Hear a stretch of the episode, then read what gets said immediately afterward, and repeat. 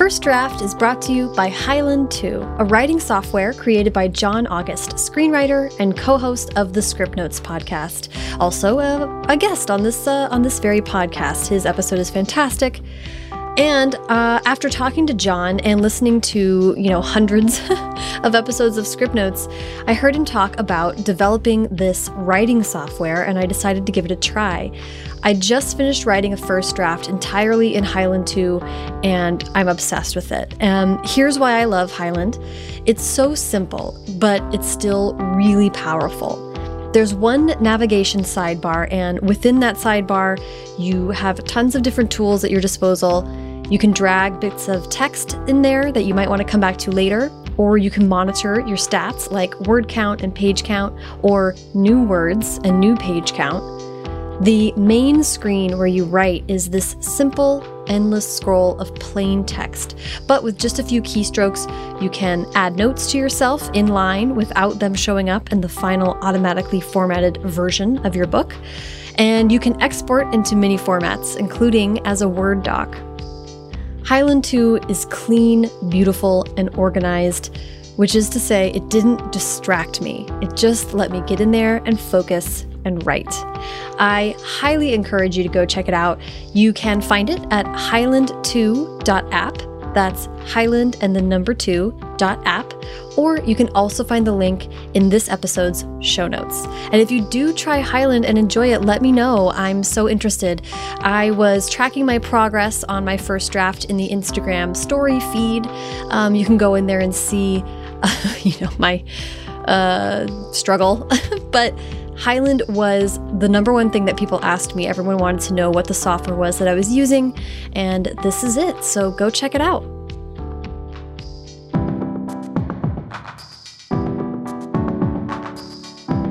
Welcome to First Draft with me, Sarah Enni. This week I'm talking to Robyn Schneider, author of The Beginning of Everything, Extraordinary Means, Invisible Ghosts, and more. Her newest book, You Don't Live Here, is out now. Everything Robyn and I talk about on today's episode can be found in the show notes. First Draft participates in affiliate programs. Specifically, we're an affiliate of bookshop.org.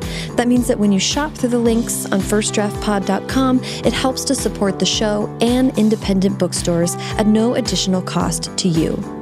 If you'd like to donate to First Draft directly, either on a one-time or monthly basis, you can go to paypal.me slash firstdraftpod. Track Changes has been appearing in the First Draft feed for a minute now. It's the mini series within First Draft that gets to everything you don't know you don't know about traditional publishing in the US. We've covered Publishing 101, agents, selling your book both from the perspective of the author agent and from the editor and publisher point of view. And the most recent episode, which just came out last week, is all about how and how much authors get paid. If you're looking to get even more in depth about publishing, I've also created the Track Changes newsletter, where every Thursday I share more information I gathered in researching for this project. You can sign up for a 30-day free trial of the newsletter and learn more about both Track Changes projects at firstdraftpod.com slash trackchanges. Okay, now please sit back, relax, and enjoy my conversation with Robyn Schneider. So, hi, Robyn, how are you? I'm doing well. How are you? I'm doing well. I'm really excited to talk today. Um, I can't believe it took me this long to get you on the show. I'm excited to chat. I'm really excited for this. I've been listening for a while and I have like oh, thought yeah. about what it would be like to be a guest. So now this is like a dream. Yay. Oh, well, I'm so excited. Um, you have one of the more interesting publishing careers that I've ever researched. So we're going to get right into it. Um, but as you know, I like to start at the beginning. So I'd love to hear where you were born and raised. Sure. Um, I was born in Miami, Florida. I have never lived in Miami, Florida. My parents were staying in a hotel. Um, so I just like to say that like I probably liked the hotel so much that I wanted to order room service. So there I arrived. Uh, but I mostly grew up in Southern California in different cities in Orange County.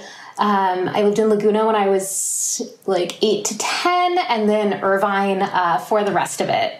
As a kid growing up, how was reading and writing a part of your life? It was a huge part of my life. I was just a very lonely child. Um, I think it had to do with moving a lot, and my mom was in her 40s when she had me, so she didn't have a lot of young mom friends. So I think that played into it. But I always just sat in my bedroom reading books, and I loved it, and that was never lonely for me. That was amazing. So I read books all the time. I think since I was maybe four, my mom found me in her closet. I had found a bag of books in there, and I taught myself how to read sitting on the floor of her closet. And um, yeah, I never looked back. That's amazing. That's amazing. She was, um, she was a former elementary school teacher, so it wasn't like she found me reading like John Grisham on the floor of her closet. You know, she had like her teaching materials. that would have been amazing, though. I wish. But yeah, I think the big book series for me that I read as a kid was Harry Potter. Yeah, I read an interview where that you said um, that reading that series is what made you want to be a writer. It did. I was 12, I think, and we were going on this big family vacation, and my mom bought me Harry Potter and the Sorcerer's Stone, and she gave it to me right before I got on the airplane, and I read it all the way, and I finished the book, and I put it down, and I was just like, blown away by it and I knew that I wanted to write books like J.K. Rowling. So that was that was my that was my thing. And then we were on a trip and I got a notebook and I just started writing what I now know is Harry Potter fan fiction. But what I thought in 1999 was definitely my own original novel um, about wizard summer camp because where do they go when Hogwarts isn't in session? And um, I finished it. I finished this thing like I wrote it out for months. Like it was, I actually read Harry Potter, put it down, reached for notebook, and wrote a whole novel. That's amazing. Yeah. Wow.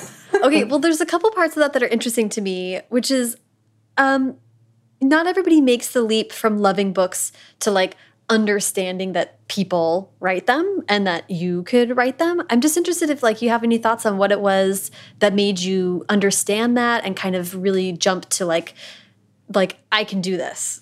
I feel like around that time, I came across these books by this author, Amelia Atwater Rhodes, who was 13 when she had her first book published. And I remember um, looking it up, and I don't think I realized at the time it was like her next door neighbor was a literary agent or something. And so she had had this like very easy form of access to the publishing world as a young woman. But for me, I just saw that someone else had done it. And if someone has done it, you know, there's got to be more people who have done it or who will do it. So it just felt like something that I could try, or at least it was worth trying to write a book because, you know, no one can take the action of writing away from you, even if it doesn't get published. And, like, spoiler, the Harry Potter Wizard Summer Camp book I wrote at 14 is not on bookshelves. Although I would totally read that. I would love for you to lead me to the fact that you did sell a book at 18. Is that right? I did, yeah. I sold my first novel when I was 18 to Random House. How how did that happen?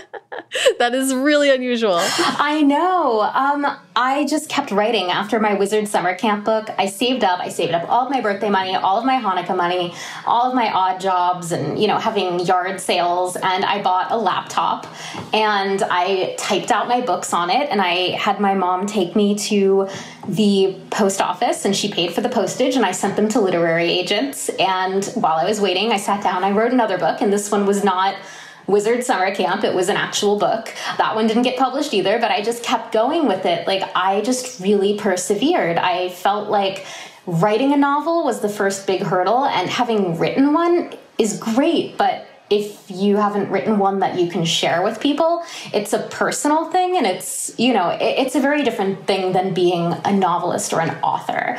And that was i think my goal back then. But of course my parents said to come up with something a little more practical. Like for me i was always really really academic.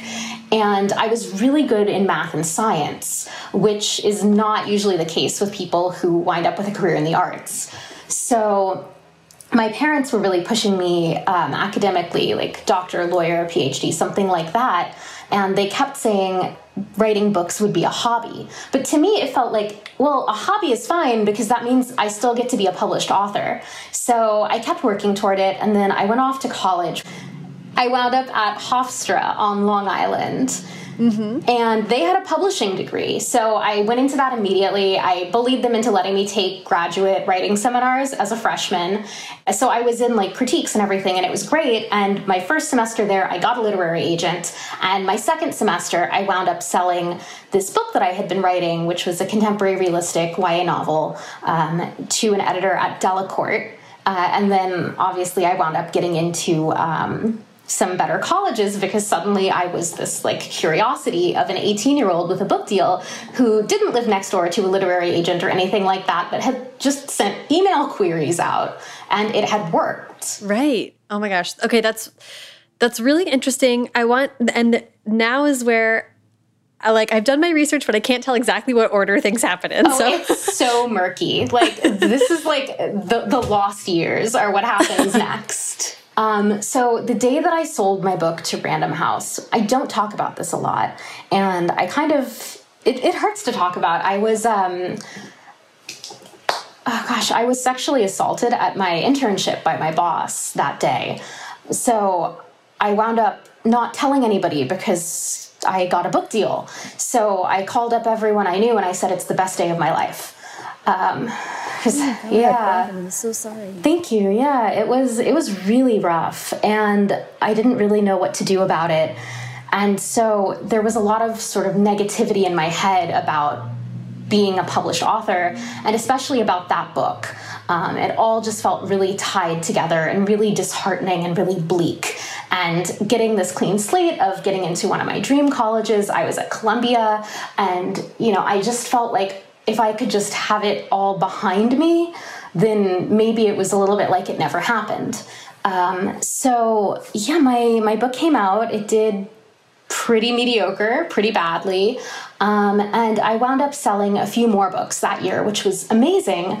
Um, one of them was published by S&S, it's nonfiction, and the other two uh, wound up being canceled. It was when Random House overbought and they just had way too many books uh, for their list, so they just started canceling books but I didn't know a lot of novelists as I was a teenager. So it felt extremely personal and just really rough. It was like lightning struck and hit and hit me in the face. Like it was and then like I walked I walked to the other side of the field and then lightning struck again. Like it was it was just so it was such a confluence of awful things. So I walked away. I, I left school for a year and I said, I am done. I'm done with book publishing. I'm out this was supposed to be a dream. The practicality of it not as a you know as a teenage girl with like dreams in her head 13 years old with a harry potter book on her lap but as like now a 20 year old woman living in new york city a sexual assault survivor with so many canceled books and so many failed books i was like screw it i'm going to be a doctor. Um, so yeah.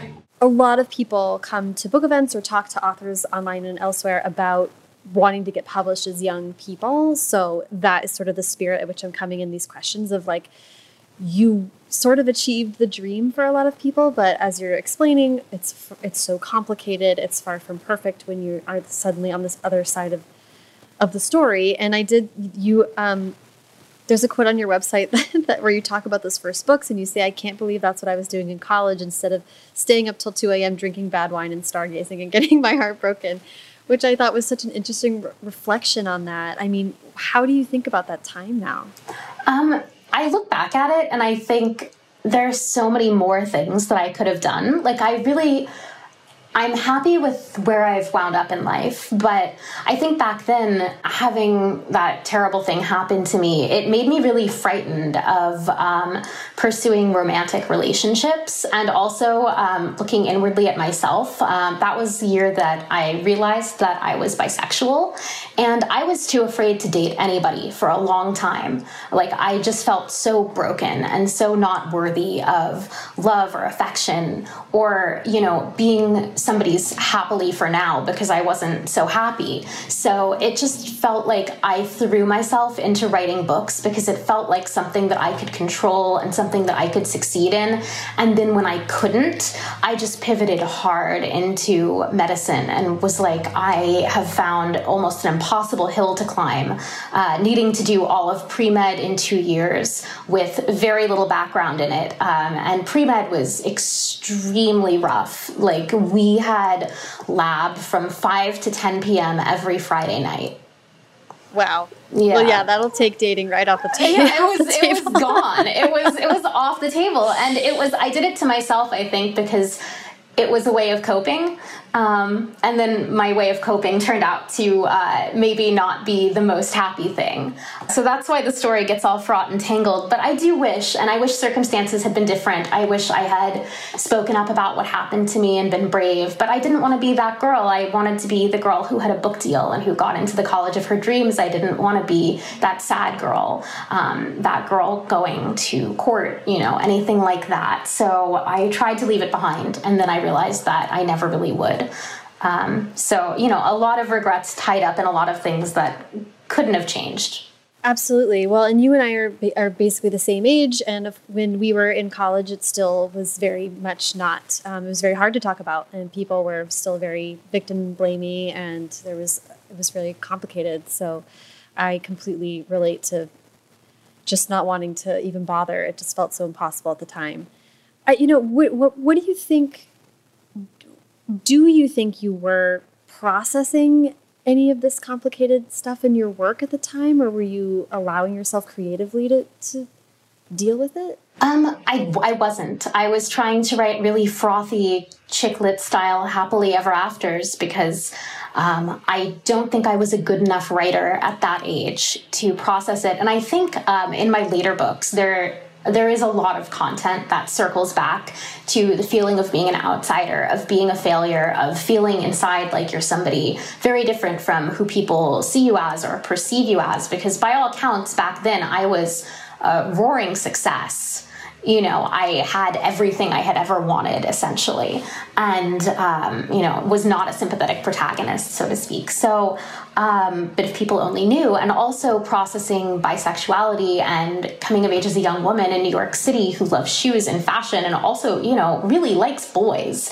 and all of that being, um, just sort of a lot of things just making a confluence in my mind as I was like reading so many books and watching other people live these lives that seemed so enviable. So I think I tried to like live someone else's enviable life through storytelling once I was a good enough writer to like find a way in and tell stories that were thematic, not just plot driven. Right, right. Well, and we're certainly going to get to, to that with your um, later works, which really do deal with with a lot of these things. And and I don't want to harp on this too much, so let me know if you want to move on. But but but the thing that also strikes me is the degree to which we can sort of look at.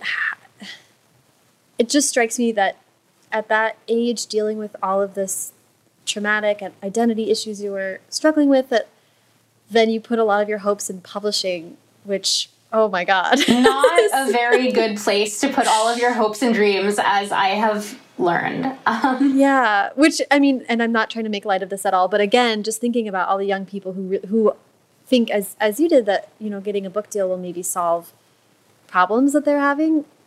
It doesn't, and also publishing no. is a very unreliable pursuit, right? And business. Of course. I mean, I was not making a living wage as a writer. And, you know, I think, like, God, I had a deal for like 15K, you know, and once your agent takes a commission and taxes are out, you know, I had friends make more at a summer internship. And I was having to juggle this full time career, which had a lot of admin work and wasn't just sitting down and writing fairy tales in a coffee shop. I had to juggle that with an extremely demanding full time course load as a student.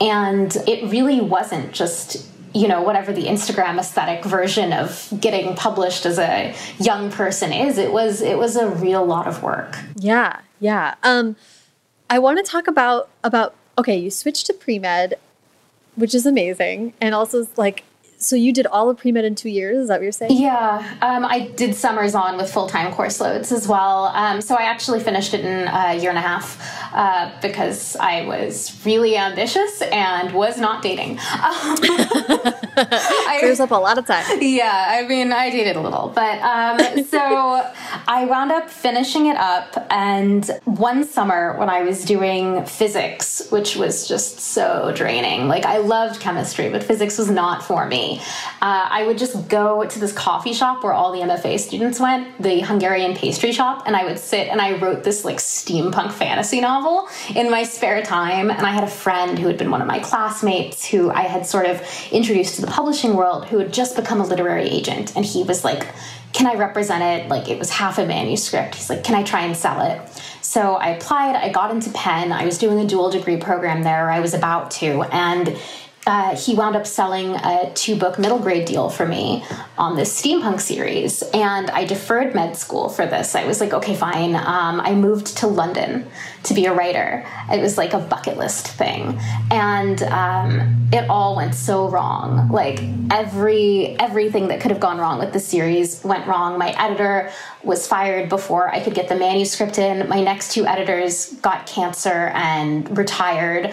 It like in rapid both of them, both of them rapid fire. And um the imprint wasn't going to be putting out books that were similar to mine at all. The, it was a trilogy. It got canceled halfway through. Uh, the agency I was with stole my advance check and closed down. Um, I had to like threaten them with. Um, uh, with like a, an outing in like local media um, if they didn't wire the money to me immediately it was it was bad like i had such a negative experience with that that I was just like, you know, med school, take me. Like, thank, you know, like, thank God. And right. then I arrived and I had never given much thought to what other medical students would be like. And it was really interesting. It was definitely, I felt like Elle Woods. I, I mean, I think it was my program specifically, like my cohort or my group was specifically, but I just did not fit in. And I had never experienced anything to that extent. And it was just so strange having this disconnect. And I was just like, publishing has not worked for me. This does not work. This is not viable. Like, I can get A's in this medical coursework. Like, come on, Robyn, let's go. And it didn't matter that like my bones were in one place and my heart was in another. Like, I just kept trying to slog forward. And I wound up starting to write the beginning of everything while I was in school. And so I, um, I actually just got my master's. I didn't finish. I don't have my doctorate. Um, is the book sold in this like incredibly fairy tale auction and i was able to quit school and support myself as a novelist i was 25 and that was you know seven years in from my first book deal and uh, it felt so like wild. a lifetime i know it was it was it was a crazy journey yeah okay so there's a couple things that i want to i want to ask about um, because you went to uh, you got your master's in bioethics. Mm -hmm. It's interesting to me that you went from having these incredibly difficult experiences and disappointing experiences and unethical experiences to something that was so black. I mean, bioethics is fascinating. Yeah. But like, it does seem very much like not only talking about to somewhat black and white degree uh, anatomy, human bodies, medicine, and also like ethics therein. It seems very comforting to study something like that as opposed to like the vagaries of writing books. Like science and math are, are, are cool. I, I enjoy them. They they're comforting because there's a correct answer. And that answer doesn't you know, it's not subjective. It's not up to your instructor of the day. It's not up to your classmates to critique. The answer is melanoma or the answer is 7.2. And I loved that. I loved that also I was studying toward something where once I got there, I could be it. Like there was no canceling, there was no um, having things pulled out from under me unsuspectingly. If I worked hard, if I got there, I was pretty much guaranteed. And that felt really like something I needed. I needed a guarantee. Yeah, doctors are not subject to trends. no, you don't have to like pitch your next patient idea. um, that would be weird. Oh, that would be weird, but that's a very funny thing to imagine. Um, uh, yeah, that was, I mean, bioethics, can you just like, I've never spoken to someone that got a master's in bioethics before. Like, what was, were you writing a thesis or was there a particular thing you were focused on? So, I wound up writing a very last minute thesis. I was not planning to finish the program. Um, when I did, I was planning to do the MBE, which is the bioethics degree, alongside um, becoming a doctor because you can't use the master's degree without a doctorate. It is useless. It's like having an accessory for a piece of electronics that you don't own. You know, it's like it just goes in a drawer. So um, I wound up having to go quick, and what I had half a semester, and I had to do edits on the book. And what I wound up doing was this extremely half hearted thesis, but like fascinating in retrospect, on young adult disease narratives. Uh, Interesting. Yeah, because most uh, most adult memoirs that are medical memoirs, you know, they exist in the space where people can be really comforted by finding a story written by someone else who went through what they were going through. Like you're diagnosed with whatever, you can pick up books about people who went through that. And for teenagers, you can't because teenagers aren't writing books about their lives. So everything is fiction. So all the stories are fictionalized. So they're being told through this adult or fictionalized lens. And I thought that was so interesting. And so I went through and I was comparing, and this was, I think, like the the month that The Fault in Our Stars was published. Uh, wow. So you know, a teen like medical narrative was not a huge thing. So I was going through a couple of them, and I was looking at um, like use of metaphor and how these stories um, use language to relate to teenagers who might be going through the same patient experiences as the characters they were reading about. So that is what I did my thesis on. That's amazing. yeah. You, you gave yourself a master's in English in analyzing young adult books. A master's in medical English, almost. I want to talk about writing, uh, about the beginning, writing the beginning of everything while you were doing all of that work. Um, do you mind, before we talk about that, do you mind uh, pitching that book for us really quick? Um, sure. My goodness, I I feel like I'm floundering. How do I even pitch that book? Um, I know. Um, it's been a minute. You can take a second. it's been a minute. Um, it's the story of a fallen golden boy who has to redefine himself after his personal tragedy, and everyone saw him as this leader and as this jock. And when he really figures out what he is passionate about and interested in, it turns out that it's debate.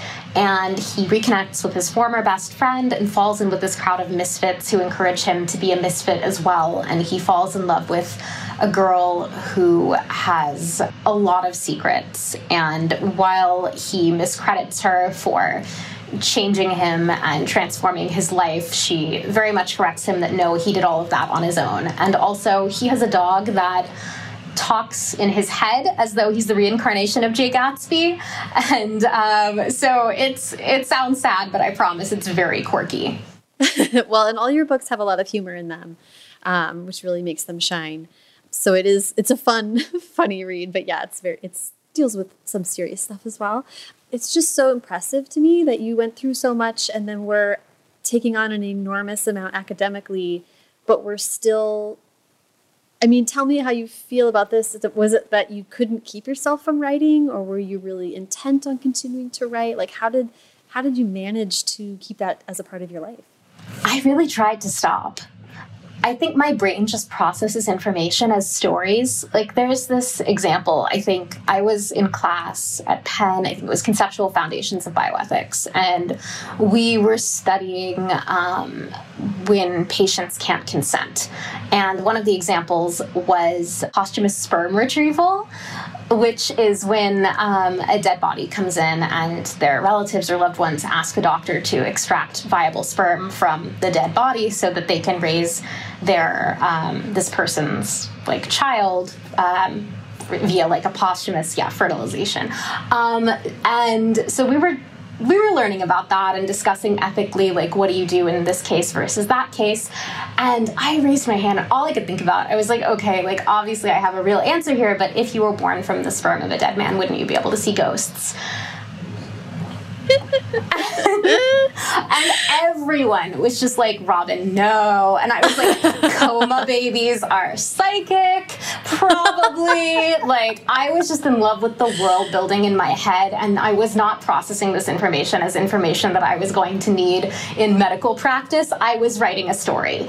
And my brain right. has always, always done that. It's so unfortunate. And I like I just can't help myself from writing books. Um, I have tried. I have done everything. um, well, and I'm so, uh, you know, it just, you know, it's so interesting that that book, you know, it blew up the way that it did when you wrote it in such, you know, trying to keep yourself from writing, really actively pursuing this completely other career, day job, life. Yeah. Um, what did it feel like writing that book? Were you thinking you'd try to get it published still, or was it just trying to survive, or how did you feel while you were writing it? I felt like it had been a while since I had tried a contemporary story, and I was really a lot improved over maybe the five years that I had taken a hiatus uh, from that kind of fiction. And obviously, I had grown a lot from age like 20 to 25. And I was really shocked how the book just sort of poured through me. I had a friend who was getting her MFA. We met up at Think Coffee near NYU, and we were just supposed to hang out. And she's like, "No, no, no! I have I have the story due. Like it's due tonight. Like I have to go." And I was just like, "Okay." Like so, she's just sitting there writing, and I was like, "Well, I guess." And I sat down. I wrote the entire first chapter of the beginning of everything, and it's pretty much published unchanged. So it just came out of nowhere, and I thought it was better than what I was doing. But I told my literary agent at the time, and uh, he said, "YA is dead. I don't even want to read it." And I I did not know what to do. So I wrote the book in secret. And when I had like 100 pages, I asked him again, like, would you read it? And he said no. And I said, I, I'm leaving. I don't want you as my agent anymore. Yeah, um, YA is dead in what, 2012? Mm, 2010, I think. Yeah. Okay. So um, 11 wow. maybe? Yeah. So I uh, he's not a literary agent anymore.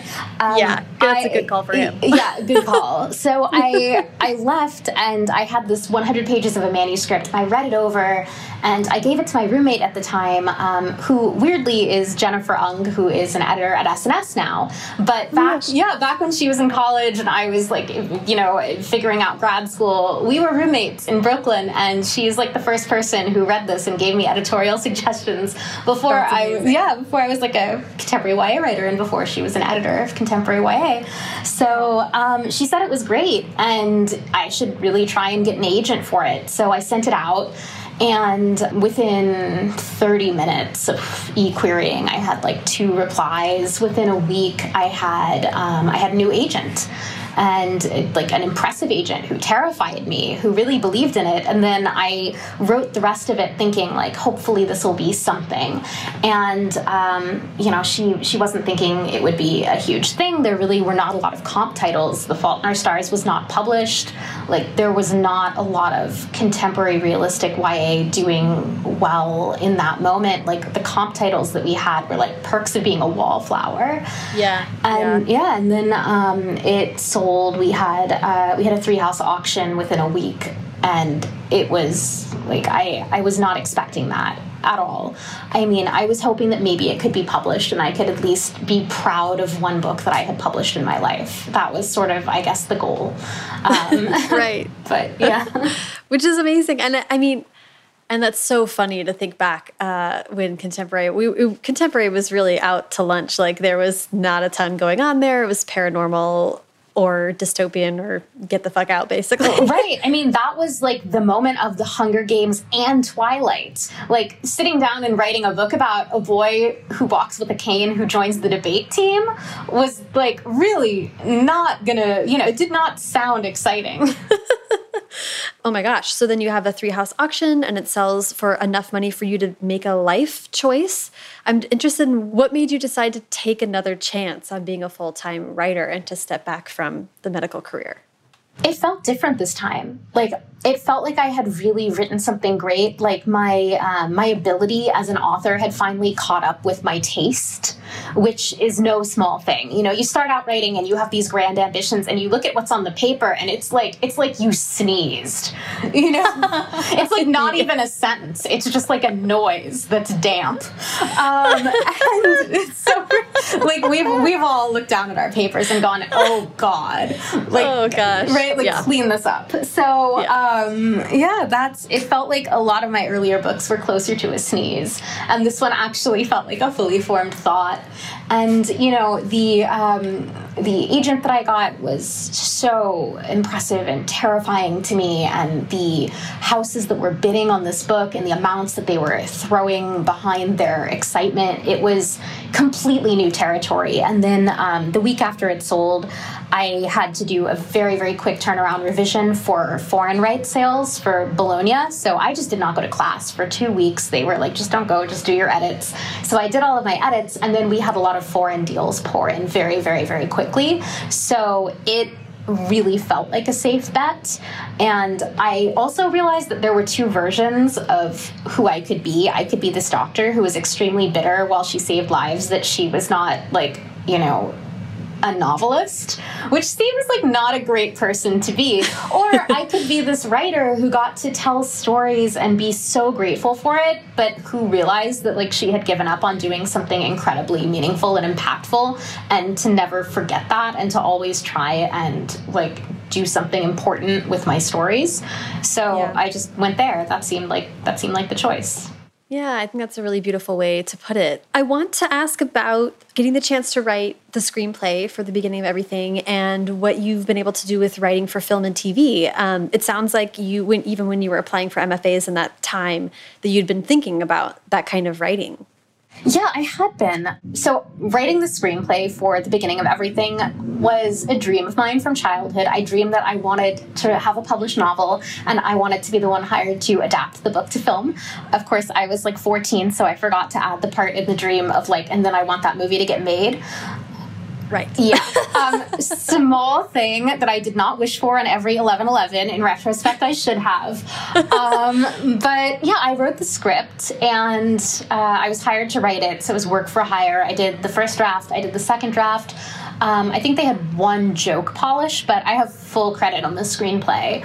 Wow. Um, yeah, it's it's cool. I mean, we we got so close. We had a director, we had a sizzle reel, we had our actors, and then it didn't go. The option lapsed for a year, and recently uh, they got back in touch. So we are going again. So we're gonna see if we could actually get this movie made, which would be amazing. But I've been like really, really involved with the process, like heavily with the other producers, who all are very delightful men who live on the East Coast and have PhDs and doctorates and like come from a science and medicine background. And I'm just like, oh my gosh, like this is the least Hollywood version of making this possible. So it's it's super entertaining. I don't know if it will go. I hope so.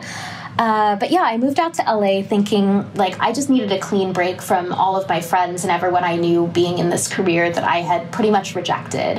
Um, I didn't know anyone who was really in the arts. I didn't know a lot of novelists or writers, and I wanted to meet people. So I moved to Hollywood into an apartment by myself uh, and worked from home for a living, which is, you know, the perfect way to meet people. Oh, God. Yeah, I just wound up making YouTube videos, and then I made internet friends. Yeah, I do. I want to ask about that. The the YouTube year, from what I can tell on your website, you wrote a little bit about what was. I, I just want to hear about how you got started doing that, and then I understand you stopped doing that for reasons that are also complicated. it's all a journey. I started making YouTube videos. I had met uh, John Green many, many years ago. Uh, I was an undergrad, and his wife was a grad student. And David Levithan's like amazing editor and children's book writer. Uh, would have these YA author meetups. Like if you were a published YA author, you could go. The only problem was that they were in a bar and I was not 21. so I went anyway and I had ginger ales. And um, everyone was like, who is this child? And um, I would have to ride the subway back uptown with John every time after because we were really the only people going back to like the one train all the way up to like 116th And gosh, we had like nothing to talk about. And I look back, I'm like, oh my God, you had so much in common. You could have just chatted away.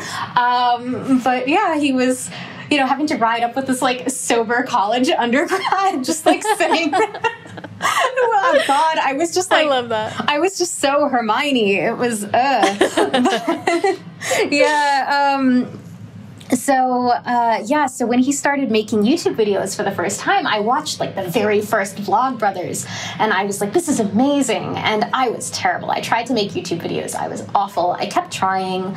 I wound up being uh, an alternate for this grant from youtube for their like next up program which went really, really wrong really, really fast. And I was going to be making scripted content for them. So when it didn't happen, I wound up moving out to LA and I was at a YouTube convention hanging out with the people I knew from the internet and talking to a YouTuber I knew from the internet and saying, I've had this really cool idea for a digital series and I don't know how to get it made. And he said, Oh, my, my wife runs a production company. Do you want to meet her? And she was right there. And I took a meeting, um, I did a pitch and I sold this series right at the time that like the Lizzie Bennet Diaries was doing really well.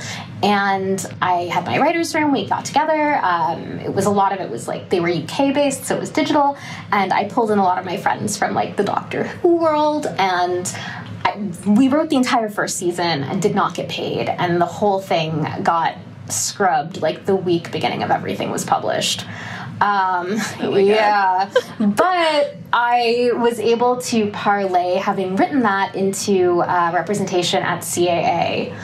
So I used that as a jumping off point to um, like pitch and try and write for TV in like the background from writing books because you know when you write one thing and it's successful your editor wants you to write only that thing but just a little bit different. And right. you know i i wanted to write so many things all the things. So i you know if i wanted to put magic in a story or if i wanted to write about like doctors or something wrote it for tv never sold it for tv but wrote it for tv yeah that was going to be my question was so for from what i understand since you've lived in la since 2012 does that sound right? Yes.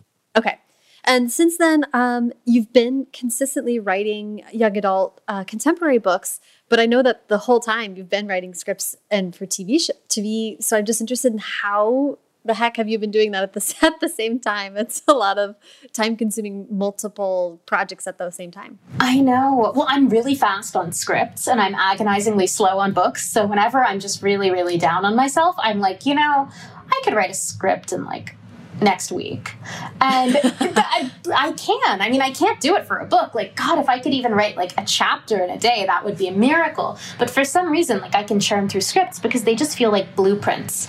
They don't feel like the finished product and books feel so final i just scare myself about them and i comb through the sentences take out a comma put back in a comma kind of thing um, but yeah mostly i had a slow editorial schedule and i had a contract that had me writing for only one imprint and i couldn't mm. really go elsewhere so i had a bit of downtime and when i wasn't making youtube videos which was pretty unappealing after um, having like the digital series fall apart because they owned my youtube channel at that point.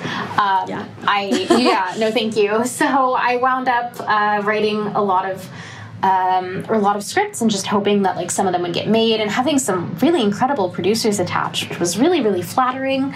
Nothing ever went except the um, the beginning of everything script, um, and then of course I've been secretly writing a historical fantasy series out here, which everyone will be hearing more about and reading in 2022. Um, yes, spoilers. Yay! Um, I love that. Okay, we're gonna come back and, and ask and ask about that in a second. How do you think writing screenplays and writing books at the same time? I mean, how have you how have they influenced one another, or have you used structure for the other thing, or just how do you think about the interplay of those two mediums at the same time? Oh, I really love that question. Um, I can't focus on two books at the same time, but when I'm really burned out and I've finished writing a novel, what I need to do is just refill my creative well. And a lot of the time, I will just like binge a TV series. And when I binge TV series, I process TV structure. And uh, so it's really great to have a project that I want to write, like a TV project lined up in my head after that, because I can, you know, kind of recharge my batteries by watching a lot of TV. And yet in my brain, I'm like, no, no, no, this is a useful day. Um, and then when I feel like I'm a little bit like back to normal speed, I can work on on something that feels really low stakes and like build up my confidence and kind of have the concept for a book on the back burner there like I definitely watch a lot of TV and read a lot of scripts when I'm writing scripts, and then it's almost entirely books and movies when I'm writing books, just due to like the structure. But also, like books to me feel so much less rigid, and I did not know that um, coming into it, like being told to write to a budget for screenplay for the first time was incredible. Because I I had never had any of those thought constraints, like adapting beginning of everything to be a movie with like this certain budget, where it's like, oh well, Disneyland has to not be a part of the story. So how do I how do I like make that happen? What's the trick? Like it felt like yeah. a lot of fun problem solving, adapting like in that space. Um, and then writing original stories, it just felt like I could play with my imagination again. I think I'm a person who's always in danger of falling out of love with storytelling and thinking, like, is there something else? Or is there another story or a next story? And leaving a lot of unfinished things in my wake. And one of the ways that I can stop myself from doing that is like getting the things that I'm excited about out of my system, like the kinds of stories that commercially just do not fit with what I do. Um, and then, of course, I came across this like 16th century thing that I don't know how much I can talk about, but I wanted it to be a TV series. It was not. I could not get rid of it, I could not shake it. It's a book series, it's a YA trilogy and I did everything I could to make it not be, but it is. Um, and of course, now I'm so excited that I get to work on it, and it's been like this thing that's been boiling for the past few years, like you know, on the back of the stove, whatever, the back of my mind oven. Um, mm-hmm. But like, God, mind oven is such a bad phrase. I love it. Yeah, my, so I, I have a lot of things on my mind oven, and some of them are scripts and some of them are books. But the scripts are so rigid. Like, if you don't hit a certain downbeat on page 90, you are off. And yeah. with books, you don't have that. You can have an entire chapter of somebody staring out a window thinking about something that happened when they were seven. Yeah, I know. Isn't that it's bliss. Sometimes you just want to describe I know uh, a bedroom for a couple pages and get away with it. Um, that is so helpful actually to hear from you because I'm in, I'm right now I'm writing a script with a friend of mine and, and I'm writing a book at the same time and that is possible in a way that um, especially co-writing. I've found that to be possible in a way that it hasn't been for two books, certainly at the same time. But this is what struck me looking at looking at your body of work too is that you write standalone books. I just can't get over the fact that you write TV too. Like TV feels so impossible to me. Like movies and standalone books feel like the same thing. Oh, and really? writing a pilot, I was like, but I don't know what happens next. like I write standalone books and then I don't know what happens to my characters when they're done. So when I was working on my first like TV script, it was with um, the guys at Ghost House. So it was with like Rob Tapert and Sam Raimi and their team, and they said something to me that was so important because they wanted me to adapt a YA novel to film that they had uh, optioned as well while we were working on a show. And I was like, I've never written a screenplay. I've written TV though. So what they said to me is, well, you've written books. So books are the most complex in terms of story and character and plot. Next is TV and after that once you once you pare it down and you make it really bare bones then you get a movie and so i think it's going from a to b or going mm-hmm. back and forth from a to b are books and tv and it's going from a to c to go from books to features Interesting. So maybe yeah, that's yeah, really interesting. Maybe you're somebody who can work really well, like on two very um, like divergent things. And I kind of like to work on things that are like similar actions but like different effects. Mm-hmm. Ooh, that's so interesting. And and it makes sense to me that you would then binge a lot a lot of TV and write TV, and then while you're writing a book, want to stick to movies that there's some structural similarities at least as far as three acts and all that stuff. Yeah, they, the structure of movies is really, really similar. Um, like it's yeah, it's the act structure because TV isn't like especially 44s or hour long TV. It's like the five act.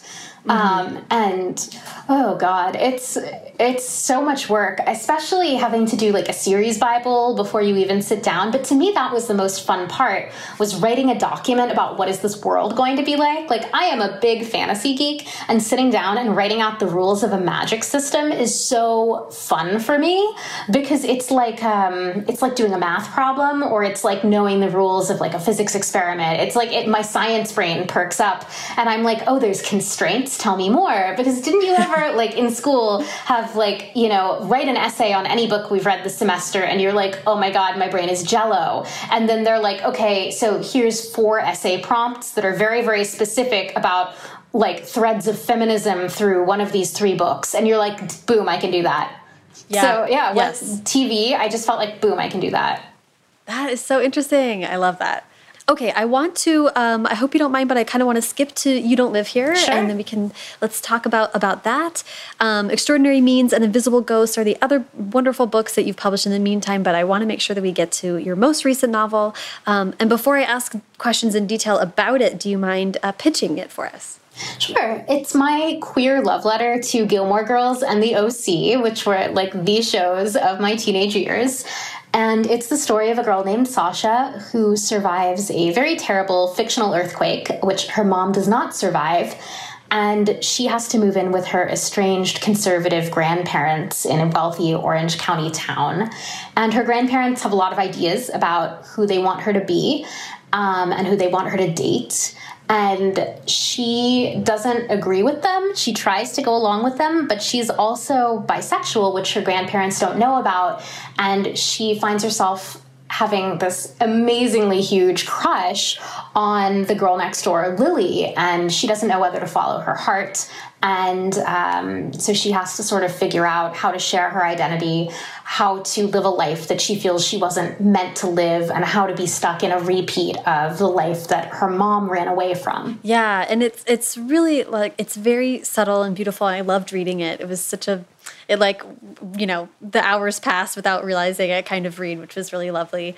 Um, what came first wanting to write a queer love story or or having the comp with the gilmore girls and oc or how, how did you generate this idea?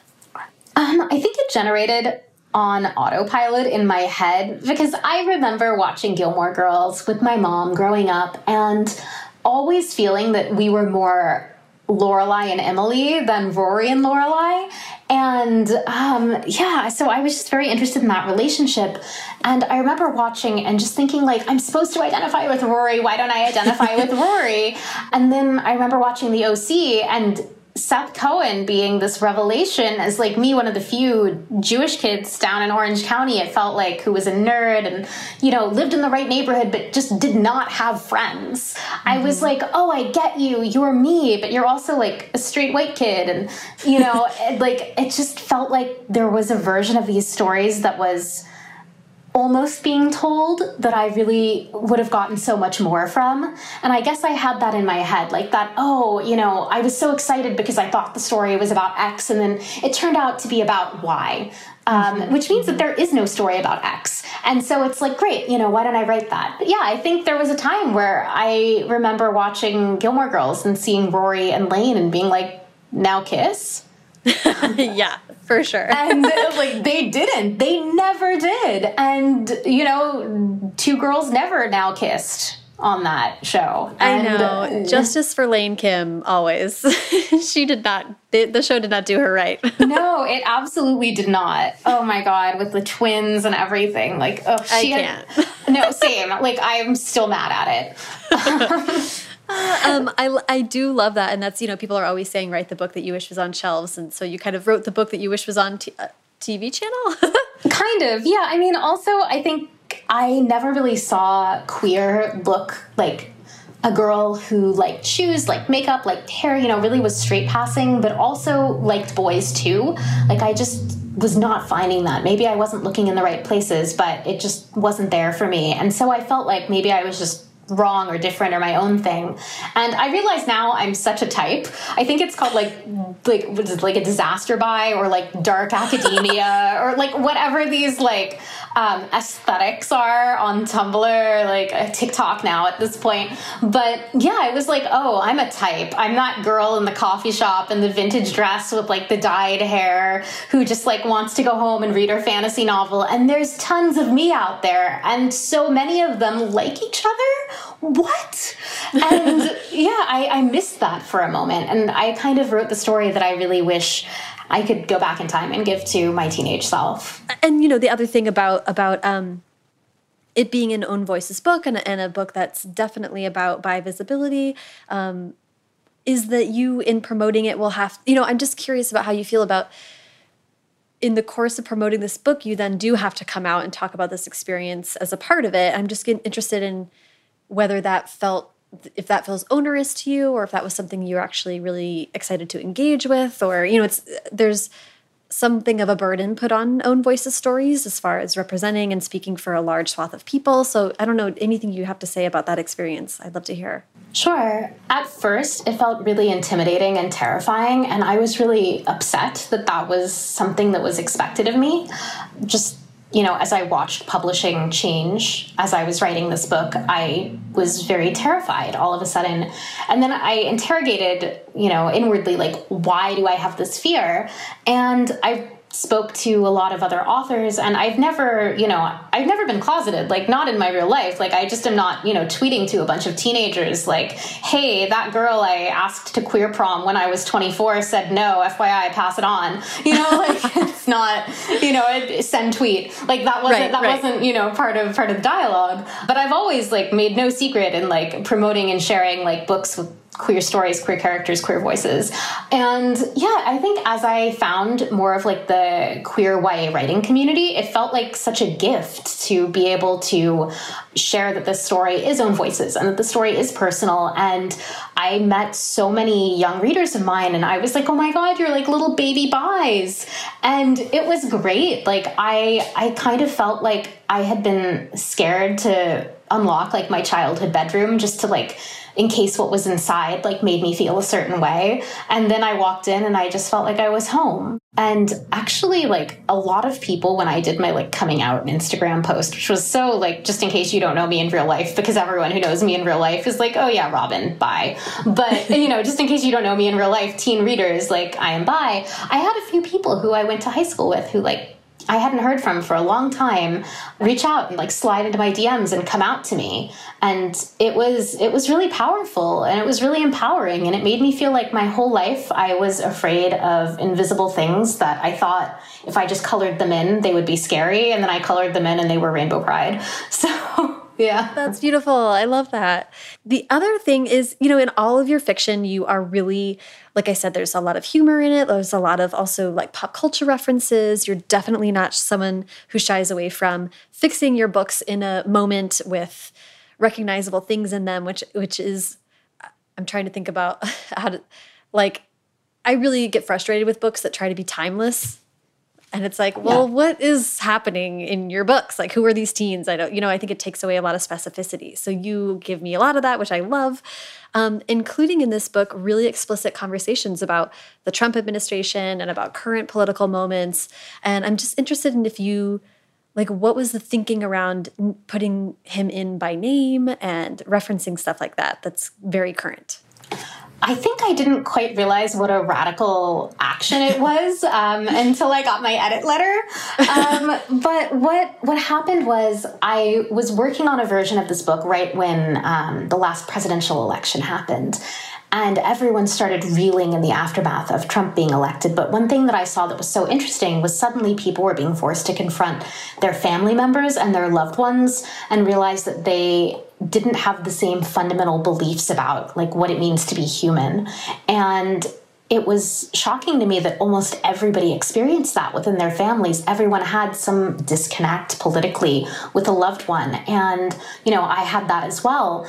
And it it made me really wonder what that would feel like if I weren't, you know, a 30 year old woman with a fiance at that time, but if I were my 16 year old self and that person, that classmate that I had a crush on that year happened to be a girl so I wanted to write a story about because I was just wondering, you know, what it felt like for teens, especially to grow up in this like empowering, like, you know, gay marriage is legal, like everybody is accepting moment that I really did not have growing up um, in conservative Orange County.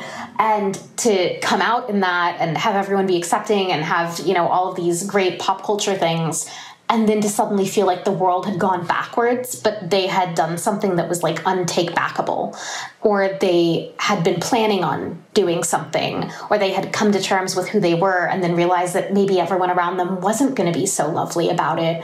And I think there was just a lot of fear and uncertainty about family um, in that time. And I had friends who weren't talking to their parents over their political views, and it felt huge and it felt like a rift, and it felt like something that needed to be encapsulated in a story because it was such a specific moment.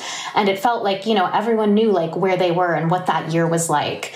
So i always try and set my stories in a specific year. It's like i think i've read books where like a character is on snapchat and then they're wearing capri pants or something. I'm like what is this? My brain is melting my god. I love like that. yeah like no it's, it's something like that. And i'm like oh dear. And yeah. um yeah so i'm like all right cool. We're gonna like reference like stocking reformation dresses on like instagram influencers. And then we're gonna reference trump because like this book takes place in a very specific year. And so it was easy for me to go into it with those pop culture references and with that slang and with you know what that moment felt like and to write about it rather than like writing about like an amalgamation that needed to be current two years later so I'd love to to to whatever extent you know I'd love to hear about this fantasy trilogy and I'm a huge historical fantasy fan so I'm really excited that you're moving into that space. What's it been like to jump into genre in novel form?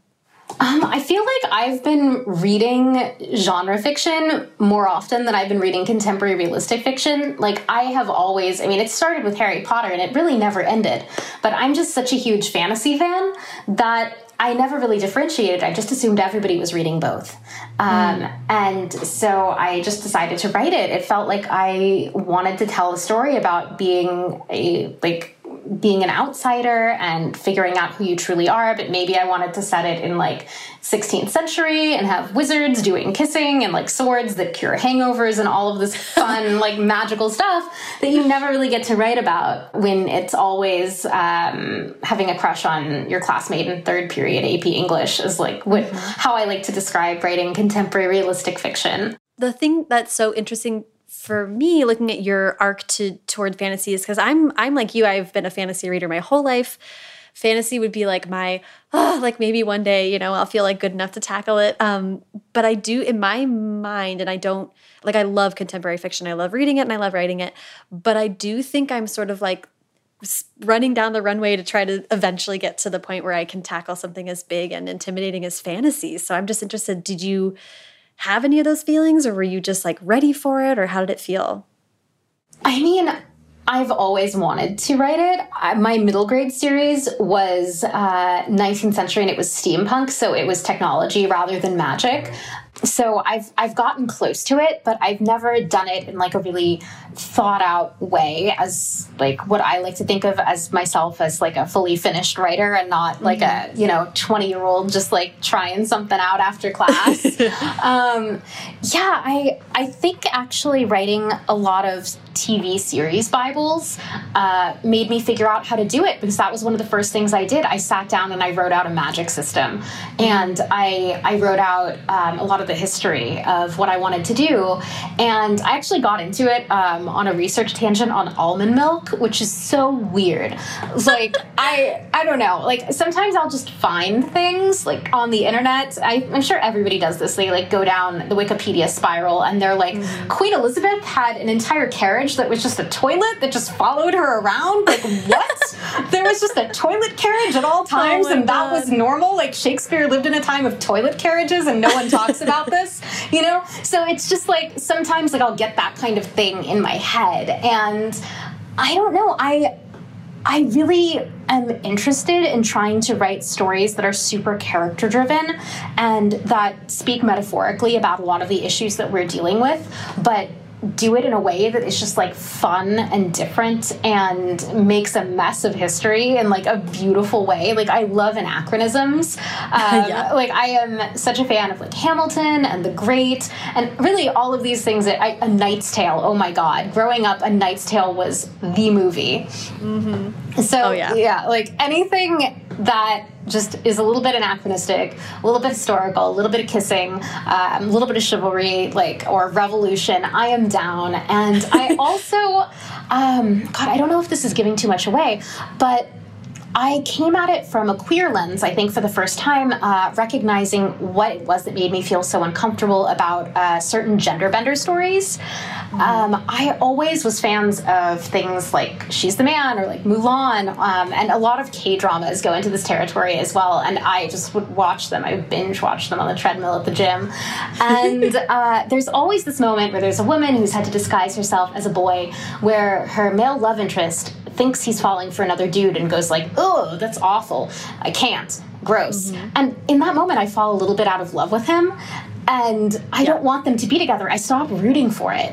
And yeah. I'm just like, what's so wrong with if it was another guy? Mm -hmm. And like, what's so scary about that? Like, and I couldn't answer it the presumption of that trope, right, is that the guy would never right never fall yeah. for another guy. It's it's such a queer baity trope because I know that like so many like bi girls are so obsessed with gender bender stories because they're stories that play with the idea of like gender presentation and identity in really really fun ways and allow you to like step outside of the cultural norm. And it's they're stories that are almost like cosplay you know? Like they're mm -hmm. they're deliciously fun and frothy and they're non-realistic but isn't it fun?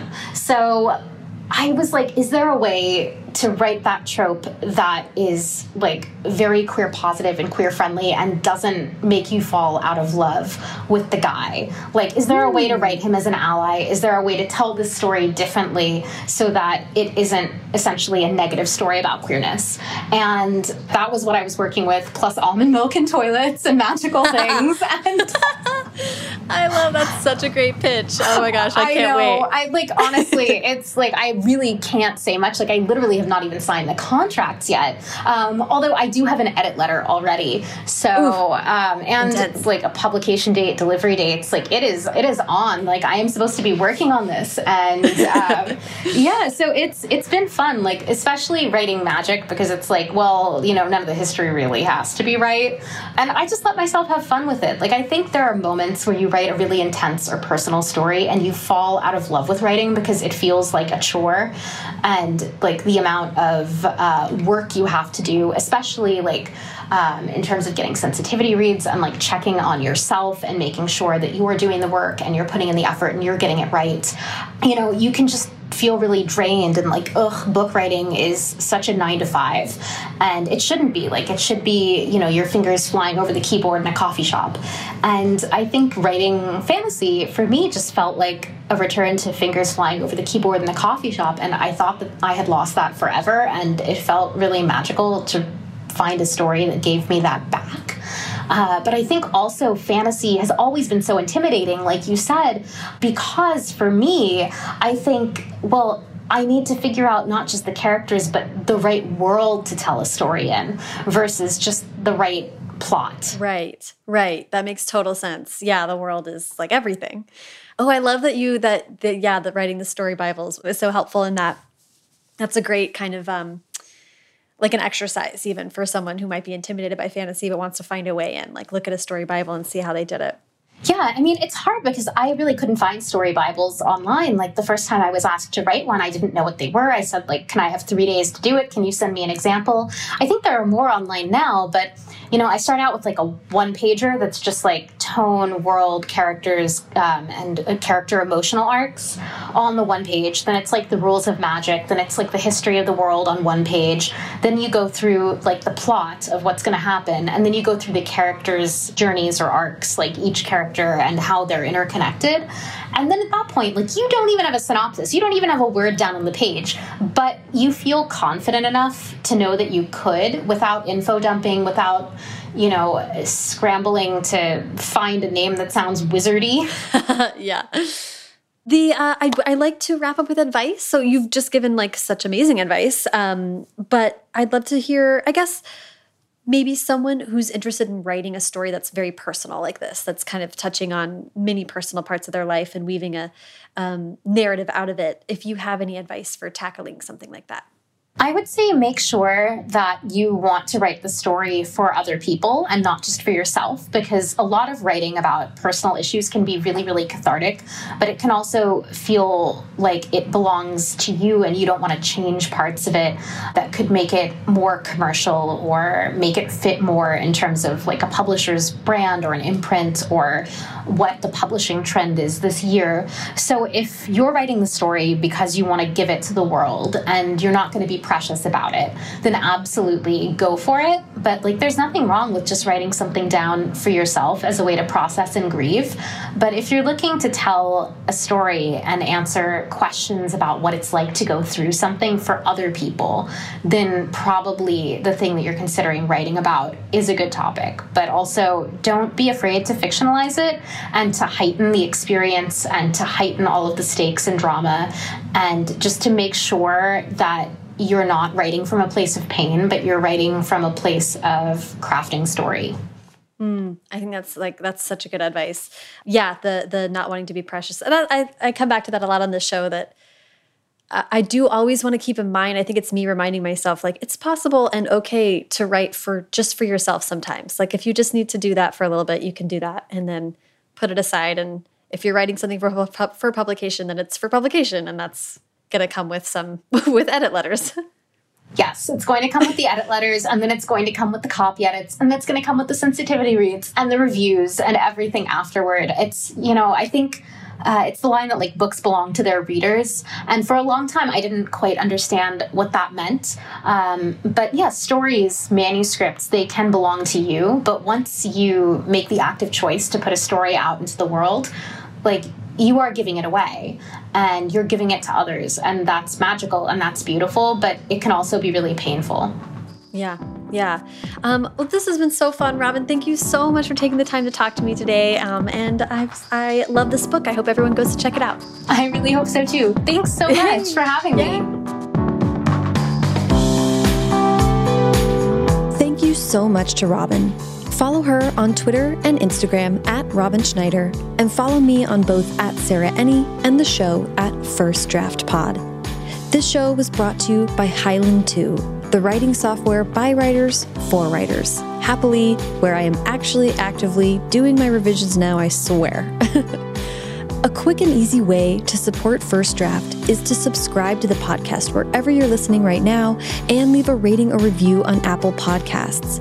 Leaving a rating and review on Apple Podcasts only takes a couple minutes, but through the mysterious algorithm that none of us will ever understand, it really, really boosts the show and gets it in front of new listeners. I'm going to read from a recent five star review. This was left by Becca Wirewill. I am sure that I did not say that right, Becca. I'm so sorry. But Becca says, so much to learn. I love First Draft. Sarah is such a natural interviewer and does a great job leading conversations with so many different authors. I also loved the Track Changes series, where Sarah got into the publishing industry and how a story moves from an idea to a published book. So much to learn. Thank you so much, Becca. I, I really appreciate that. And I'm so glad you're liking track changes. There is so much to learn that no one learned that more than me. Um, so we're going to keep exploring and learning together. And thank you for taking the time to leave that review. Finally, if you have any writing or creativity questions that you'd like me and a guest to answer in an upcoming mailbag episode, please call and leave that question at First Draft's voicemail. That's at 818 533 1998. Or you can record yourself asking the question and email it to me at mailbag at firstdraftpod.com. Haley Hirschman produces First Draft, and today's episode was produced and sound designed by Callie Wright. The theme music is by Dan Bailey, and the logo was designed by Colin Keith. Thanks also to transcriptionist at large Julie Anderson. And as ever, thanks to you, sneezes on your way to being fully formed thoughts, for listening.